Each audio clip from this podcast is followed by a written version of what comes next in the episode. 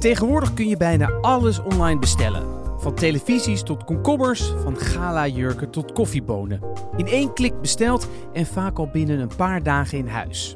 Natuurlijk heel fijn voor de consument, maar ja, al dat online shoppen, is dat nou wel zo duurzaam?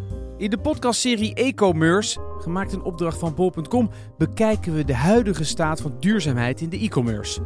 We proberen antwoord te vinden op de vraag: wat is duurzamer? Een product online bestellen of in de fysieke winkel? Stap voor stap lopen we de hele logistieke keten door, gaan we langs bij mensen in het veld en spreken met verschillende experts die wijzen op de duurzame uitdagingen waarvoor de hele sector staat. Want ja, welke verantwoordelijkheid hebben webwinkels hierin? En hoe groot is de rol van de consument? We kijken naar het bestel- en retourproces en gaan vanuit daar de hele keten door. Van bezorgen en verpakkingen naar opslag en magazijnen. We kijken naar de huidige systemen en gaan op zoek naar de initiatieven die deze processen kunnen verduurzamen. Want hoe duurzaam kan de e-commerce worden? Dat en meer hoor je in e-commerce. Nu te beluisteren in jouw favoriete podcast-app. Dit is Platformania, een podcast over de platformeconomie. Ik ben Koos Tervoren en onderzoek in deze podcast waar die economie vandaan komt, hoe die werkt en waar naartoe gaat. In de vorige aflevering hoorde je hoe de lokale schoenenwinkel probeert op te boksen tegen de platformgiganten. Dit is precies nou het tegenovergestelde van digitalisering. Dit kan niet digitaal. Dit is echt één op één handwerk. En waarom al die regels helemaal niet zo slecht zijn voor de Europese online ondernemers. Ik kan me voorstellen dat zeker ook in ieder geval binnen Europa, dat juist Europese platformen zich waarschijnlijk zullen gaan lobbyen voor meer, voor meer regelgeving. Om ze daarmee ook beter te kunnen onderscheiden ten opzichte van bijvoorbeeld de Chinese concurrenten. We verschuiven in deze aflevering iets meer naar de toekomst. We hebben het over de ontstaansgeschiedenis gehad. Eh, we begrijpen nu ook beter hoe de platformeconomie werkt en wat de groei van die sector voor gevolgen heeft. Die lijn kan je doortrekken. We starten daarom deze ene laatste aflevering van Platformania met werk. Want zonder mensen die werken, geen economie en ook geen platforms. Hoe is het om voor een platform te werken? De snel veranderende platformmarkt vraagt om een nieuw soort talent. Maar wat voor talent? Je zou zeggen dat je vrij technisch moet zijn en je moet een beetje kunnen programmeren.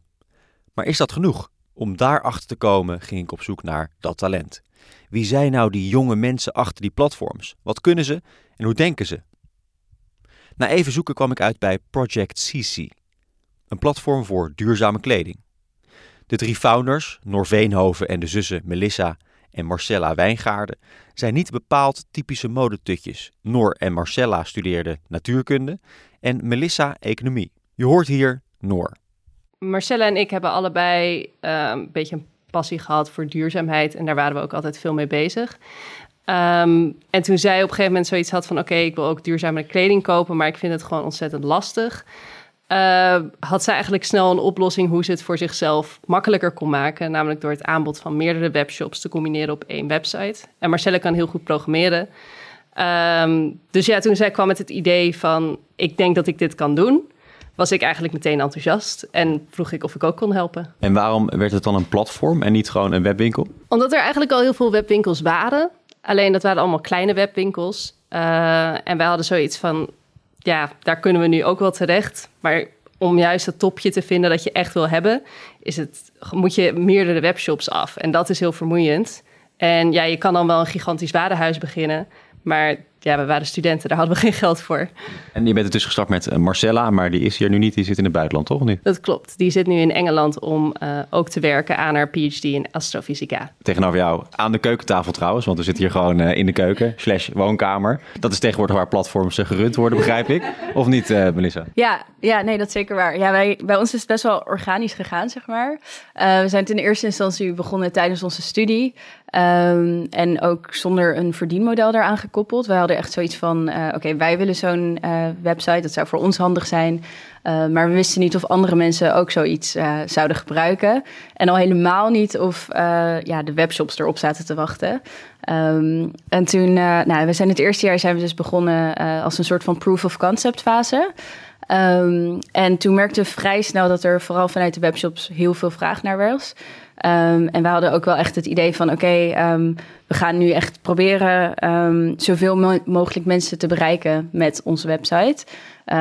en die duurzame keuze dus echt makkelijker maken. Jullie waren de studenten, dus voor jullie was het allemaal nieuw. Maar jullie studeerden natuurlijk natuurkunde. Heb je daar iets aan gehad nu je een platform hebt? Ja, Melissa studeerde economie en business. Dus, uh, jij en uh, Marcella ja, studeerden natuurkunde? ja, wij studeerden natuurkunde. Maar bij natuurkunde, en ik denk dat dat een van de dingen is die ons het meest geholpen heeft, is dat we leerden programmeren. En trouwens, Melissa heeft ook een minor programmeren gedaan. Dus we hebben allemaal wel een beetje programmeerachtergrond. Um, dus dat is voor het bouwen van een website, voor het maken van een product, is dat wel heel goed. Um, daarnaast leer je daar vooral heel veel probleem, uh, probleemoplossend denken. Dat is eigenlijk het enige wat je doet bij natuurkunde, de hele tijd problemen oplossen. Ja, en dat is eigenlijk ook wat ondernemen een beetje is. Je hebt constant problemen en je moet bedenken van oké, hoe gaan we dat oplossen? En ook een beetje snel, want anders ja, kom je nergens. Maar je had het over een probleem oplossen. Welk probleem hebben jullie precies opgelost? Dat het super moeilijk is om duurzame kleding te vinden. Tenminste, dat was dus ons probleem. Dat je wil wel duurzame kleding kopen, maar ja, dan heb je al die lijstjes van bloggers met allemaal verschillende webshops en dan ga je daar allemaal doorheen en dan moet je al het onderzoek doen van sluit dit wel aan bij mijn waarden. Uh, dus dat is allemaal heel veel werk. Maar als je al die webshops combineert op één website en daar heel makkelijk inzichtelijke informatie geeft over al die merken, dan wordt het eigenlijk heel makkelijk om duurzame kleding te kopen.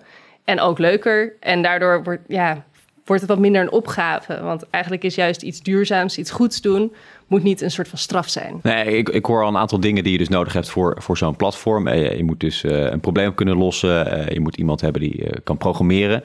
Maar ja, je doet het in de kleding. Moet je ook niet een modetypje erbij halen dan? nee. Althans... er wordt even gewezen naar, naar jou, Melissa. Ja, nee, van ons drie ben ik wel degene die het meeste uh, in de mode zat, zeg maar. In die zin dat ik gewoon echt heel veel kleding kocht. um, dus het is belangrijk dat je um, affiniteit hebt met de doelgroep, denk ik. Um, maar wat fijn is aan uh, duurzame kleding, is dat iedereen koopt kleding. Uh, dus we hebben er allemaal wel ervaring mee. De een iets meer dan de ander en de, de een iets serieuzer dan de ander. Maar het is wel iets waar je allemaal ervaring mee hebt. Vooral dat programmeren komt dus goed uit. En een beetje oplossingsgericht denken. Echt een speciale opleiding voor platformondernemer hoef je dus niet te hebben gevolgd. En je moet ook een beetje affiniteit hebben met het product. Dit heb je dus nodig om een platform te starten. Maar niet iedereen zal in de toekomst een platform gaan starten. Er zijn ook veel mensen die er gewoon gaan werken. Wat heb je nodig als je bij een e-commerce platform wil werken? Nou, ik sprak met Marlies Hoogvliet. Zij is recruiter en partner bij Top of Minds, een recruitmentbureau dat zich richt op de online wereld. En Marlies helpt vooral e-commerce bedrijven met het vinden van talent voor bepaalde functies. Customer experience rollen, dat is echt een van. Uh, dus dat moet, dan moet je eigenlijk voorstellen dat uh, er zijn heel veel verschillende disciplines die uiteindelijk in een platformorganisatie uh, werken. Maar voor een consument wil je uiteindelijk dat hij een zo soepel mogelijke uh, ervaring heeft met een bedrijf. Dus als je bijvoorbeeld bij een Bol of bij een Amazon, dan wil je als consument gewoon zo makkelijk mogelijk door die flow gaan. En het developers, dat zijn, nou dat zul je ongetwijfeld, zal niet onbekend zijn, maar developers, daar is steeds meer vraag naar. Customer experience rollen en programmeurs, daar zijn werkgevers dus naar op zoek. Maar is dat het enige? Ik heb zelf bijvoorbeeld geschiedenis gestudeerd. Uh, daar word je alles behalve opgeleid om de klantbeleving te verbeteren. En ik heb nog nooit één stukje code getikt. Uh, ja, geschiedenis is misschien een extreem voorbeeld, maar ook bijvoorbeeld economie, rechten of psychologie. En brede analytische opleidingen. Heb je die mensen nog nodig? Voor dat analytische stuk heb je mensen nodig die dus gewoon heel goed uh, kunnen kijken. Wat zijn nou de belangrijkste data waarop we moeten gaan sturen? Wat gaat het ons opleveren? Wat zien we in de markt gebeuren? Eigenlijk al dat soort facetten uh, maken of je, uh, hoe je je business gaat, gaat runnen. Dus het is, dat zijn profielen die vaak een universitaire achtergrond hebben. Dat is wat wij veelal zien. En als je dan kijkt naar studies, studies rondom e-com of rondom platform, die, die, zijn er natuurlijk nog niet zo goed. Ik bedoel, de mensen die nu in het top van het bedrijfsleven zitten van grote online spelers, hebben vaak natuurlijk hebben geen e-commerce uh, wetenschappen, ik noem maar even iets gestudeerd. Um, dat zijn wel de bewegingen die, je, die we nu iets meer gaan zien. Uh, binnen universiteiten. Maar wat ook nodig is, dus dat je goed snapt hoe werkt zo'n platformeconomie. Uh, wat zijn de drivers om daarin succesvol te zijn. Um, en dat, dat, dat is wel aan het veranderen. Maar dat is pas de laatste jaren eigenlijk, dat je dat, dat, je dat wat meer ziet. Dus als we kijken naar kandidaten die wij bemiddelen voor veel rollen bij grote e-commerce spelers, zijn dat vaak wel mensen met een WO-achtergrond die gewoon uh, weet, ja, nou, wetenschappelijk niet, want dat klinkt misschien wel wat stoffig, maar wel uh, goed snappen hoe je data moet interpreteren. Nou, stel je start een platform en je mag vijf mensen aannemen, welke vijf functies vervul je dan? Nou, dat is een leuke vraag. Sowieso business development, want je moet uiteindelijk moet er brood op de plank komen, dus er, er is iemand nodig die de commercie goed bestuurt. Developer sowieso ook om die achterkant goed in te zetten. Um, dat zijn sowieso twee segmenten die cruciaal zijn. Vijf rollen, zei jij. Nou, dan, dit zijn de teams waar... Je bent zelf de directeur, dus uh, nog twee te gaan. ja, precies, nog twee te gaan. Ja, Ik zou zeggen UX, dus iemand die ook de voor- en de achterkant uh, met elkaar weet te verbinden. Dus echt de... Uh, snapt wat, wat er nodig is om tot verkoop te komen, of het commerciële proces, uh, uh, maar ook wat er ontwikkeld moet worden, maar dat aan elkaar weet te verbinden. Ik denk dat je dan al een heel eind bent, als ik heel eerlijk ben. Een HR-typeje erbij. En ja, iemand die de recruitment kan doen, maar het is de vraag of je daar dan al uh, fulltime iemand voor zou moeten willen hebben. Ook een externe partij voor inschakelen. ja, precies. Ja, je gehaald te worden uit Maar ik denk oprecht dat dat wel zo is. Ik denk dat je eerst met een goed framework moet starten. Uh, en daarin eerder misschien nog wel een advies in kan winnen voor, uh, voor het aannemen van mensen. Zo bouw je dus met vijf man een platform start-up. Handig om te weten. Maar laten we eens breder kijken naar de arbeidsmarkt en hoe technologie daar invloed op heeft. Want platforms zijn digitale omgevingen, veel gebeurt online. In tegenstelling tot de fysieke winkel. Je zou dus verwachten dat de mensenhand wat minder nodig is. Maar is dat wel zo? Gaat technologie een groot deel van de banen overnemen? Steven de Hond, onderzoeker bij TNO en hoogleraar aan de KU Leuven, houdt zich daar volop mee bezig. In tegenstelling tot bedrijven die nog niet zo ver gevorderd zijn. De voorspellingen zijn uh, dat alle bedrijven aan AI gaan, uh, dat de robots overal te zien zijn.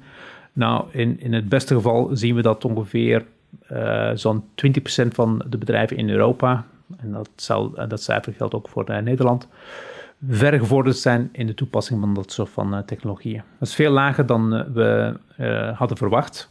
Uh, want uh, we praten en we schrijven al over dit soort van technologische ontwikkelingen 20, 30 jaar. Dus dat de bedrijven daar nog niet zo ver, ver aan toe zijn, dat is eigenlijk een, een beetje ver, een uh, verrassing als je dat goed bekijkt. Ja, want dat zijn de beelden die vaak geschetst worden. Technologie, AI, robots, die gaan onze banen overnemen. Maar volgens Steven valt dat dus wel mee. Het is dus moeilijk te voorspellen van wat technologie gaat, gaat doen. Wat we zien is dat technologie ertoe leidt dat er allerlei nieuwe soorten van vragen bij consumenten ontstaat en dat consumenten dus nieuwe diensten, nieuwe producten, nieuwe dingen willen hebben. Dus zolang de toepassing van technologie ertoe leidt dat, uh, dat er nieuwe vraag ontstaat, dan, uh, ga, dan gaan we natuurlijk uh, een groei in werkgelegenheid zien. Laat dat eens concreet maken, want stel je hebt een bedrijf en je verkoopt regenjassen, om maar iets te noemen, dan deed dat voor de platformeconomie via je eigen kanalen, misschien wel online, eh, maar veelal ook offline natuurlijk in de winkel. Nu wordt er door, voor, eh, voor, het, voor het verkoopproces wordt een deel uit handen genomen door zo'n platform. Dan zou je toch zeggen, daar worden banen overgenomen. Uh, absoluut, uh, maar die persoon die een regenjas koopt, die, kijkt, die, kijkt, die koopt een telefoon om uh, te weten wat voor software regenjas dat hij nodig heeft. Die gaat uh, op internet allerlei diensten uh, in, inhuren om diezelfde regenjas te kopen. Dus de, de tijd en het geld besteed aan het kopen van de jas is veel groter dan die was in het verleden. In het verleden had je ook één kleur jas. en nu moet je echt tussen de, de, honderden soorten jassen uh, gaan kiezen. Dus het kost redelijk wat tijd voordat je uh, precies weet wat, wat je wil hebben. Dus uh, de producten lijken hetzelfde, maar hetgeen wat daar rondhangt is veel groter. En om die diensten in stand te houden, heb je veel meer mensen nodig om dat werk uit te voeren. Er komen dus meer banen bij met de ontwikkelingen die er plaatsvinden in de platformeconomie. Maar al die technologie zou alles toch juist efficiënter moeten maken, waardoor je minder mensen nodig hebt. En het, feit dat we veel meer mensen uh, aan het werk hebben om dat te doen, zien we ook in de productiviteitscijfers. Die stijgen niet, die dalen eerder door het feit dat we veel meer mensen nodig hebben om hetzelfde te doen. Ze hebben het eigenlijk ingewikkelder gemaakt. Um, ingewikkelder, laten we zeggen, de consument wil veel meer, uh, uh, um, veel meer hebben dan ze in het verleden hadden. En daardoor wordt het ingewikkelder. Uh, want je, je wil nog altijd je product kwijt. Dus je wil uh, wel, uh, wel de juiste diensten aanleveren. Je wil niet uiteindelijk met een enorme voorraad overblijven. Dus, in die, en, en dat betekent dat bedrijven veel meer moeten nadenken, veel meer moeten organiseren om dat voor elkaar te krijgen. Goed, dan hebben we het over uh, kwantiteit, het aantal banen. Um, u hoort vaak als mensen zeggen door uh, technologisering, digitalisering, dat je veel meer hoogopgeleide mensen nodig hebt in de toekomst. Dat is niet per definitie waar. Nee, dat uh, is niet, uh, per de, de, niet per definitie. Um, uh, het, het, hangt vanaf welke sectoren en hoe het gaat. Maar het hangt ook van die twee ontwikkelingen van informatie- en communicatietechnologie. Oké, okay, hier moet ik even onderbreken. Steven heeft het over informatie- en communicatietechnologie. moet ik even uitleggen. Informatietechnologie zorgt voor het versterken van het zoekvermogen van medewerkers. Hè, dus dat ze eenvoudig toegang hebben tot veel data en informatie. En dan heb je mensen nodig die breed zijn opgeleid, want ze hebben toegang tot heel veel informatie. We kennen deze term ook wel als IT. Communicatietechnologie zorgt ervoor dat er eenvoudiger gecommuniceerd kan worden. Dus ook tussen verschillende medewerkers. En zo kunnen er dus sneller keuzes worden gemaakt door minder mensen. Je hebt meer aan specialisten en je hebt minder managers nodig die alles overzien. En we kennen deze term uit ICT, informatie- en communicatietechnologie. Als er uh, functies heel breed worden, dan heb je echt heel veel kennis en, uh, uh, en inzicht nodig wat er is. Hoewel je natuurlijk door de technologie snel die keuzes bij elkaar kunt brengen. Maar je hebt dan wel inzicht nodig om te begrijpen waarom je wat aan elkaar koppelt. als je steeds meer en meer gespecialiseerd wordt en je wordt gezegd wat je moet doen, dan is het werk ook iets simpeler dan daarvoor. Want je hoeft je niet te, als je op de nanometer bij ASML bezig bent, ben je niet geïnteresseerd in hoe het verkoopproces en de integratieproces van al die nanometers tot één groot lithografiemachine eruit ziet. Dat zal wel een andere ingenieur bewaken. Mm. Dus um, we zien dat dus die technologie in allerlei vormen voorkomt. Het, het hangt vanaf welke keuzes die bedrijven maken. Het, het hangt vanaf welke organisaties, organisatiekeuzes die bedrijven maken.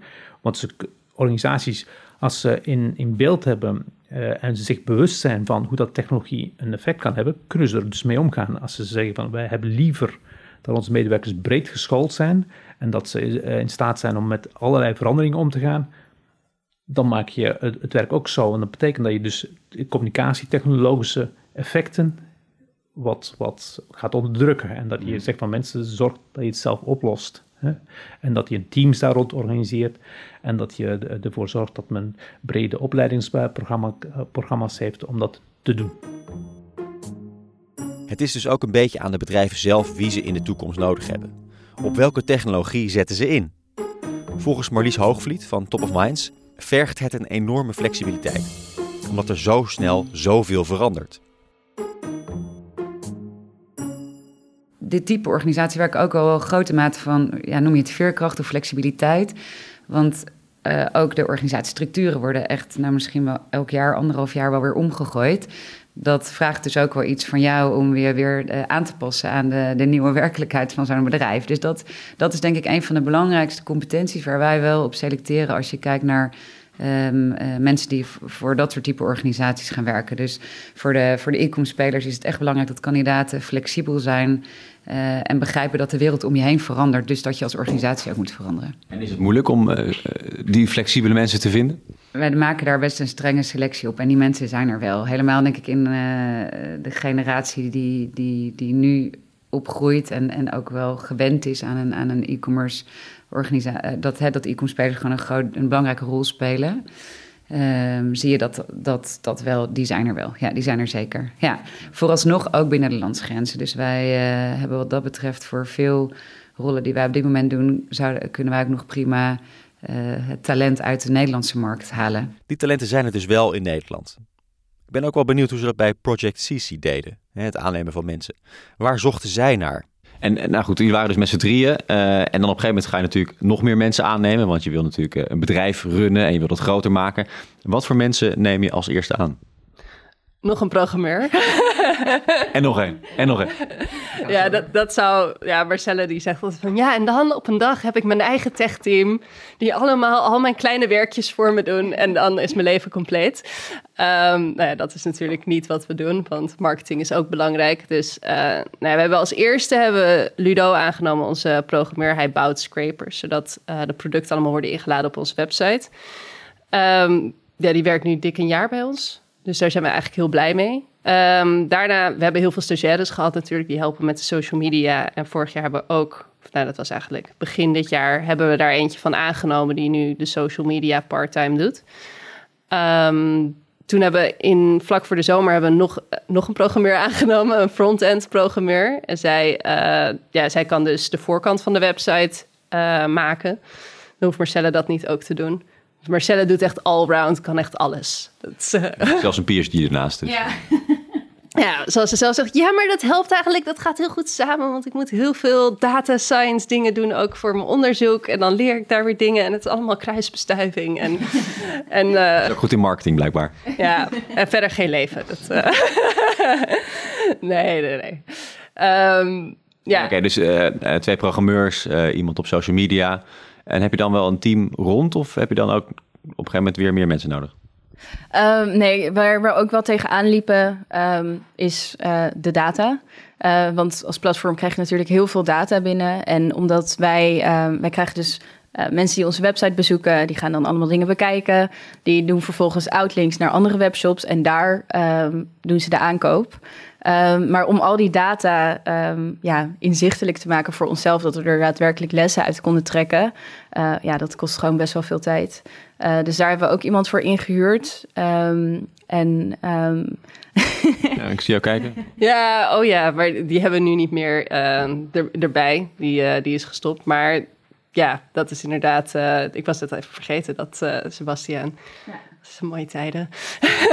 Die is nu weg. Ja, ja hij, hij, moest uh, toen terug naar Argentinië, omdat, nou ja, omdat hij daar woonde eigenlijk. Uh, nu is hij weer terug. En, maar onze data was een beetje, daar moesten we ook nog een beetje aan trekken hier en daar. Dus. met Sebastian moeten praten, waarom, waarom stop je bij een platform te werken? dat hij terugging naar Argentinië. Ja, start begonnen ook. ja. Dat heb je natuurlijk ook altijd. En dan heb je mensen die het dan leren bij jullie en dan zelf iets gaan beginnen. Wat alleen maar leuk is, toch? Ja, ja zeker. Ik zelf ben ook, uh, ja, als student werkte ik ook bij een start-up, uh, fintech dan wel. Uh, en daar heb ik ook wel echt heel veel van geleerd wat ik nu mee kan nemen in Sisi. Vooral in planning en structuur. ja. Tja, zoals bij elk bedrijf moet je als je start met ondernemen het allemaal nog leren.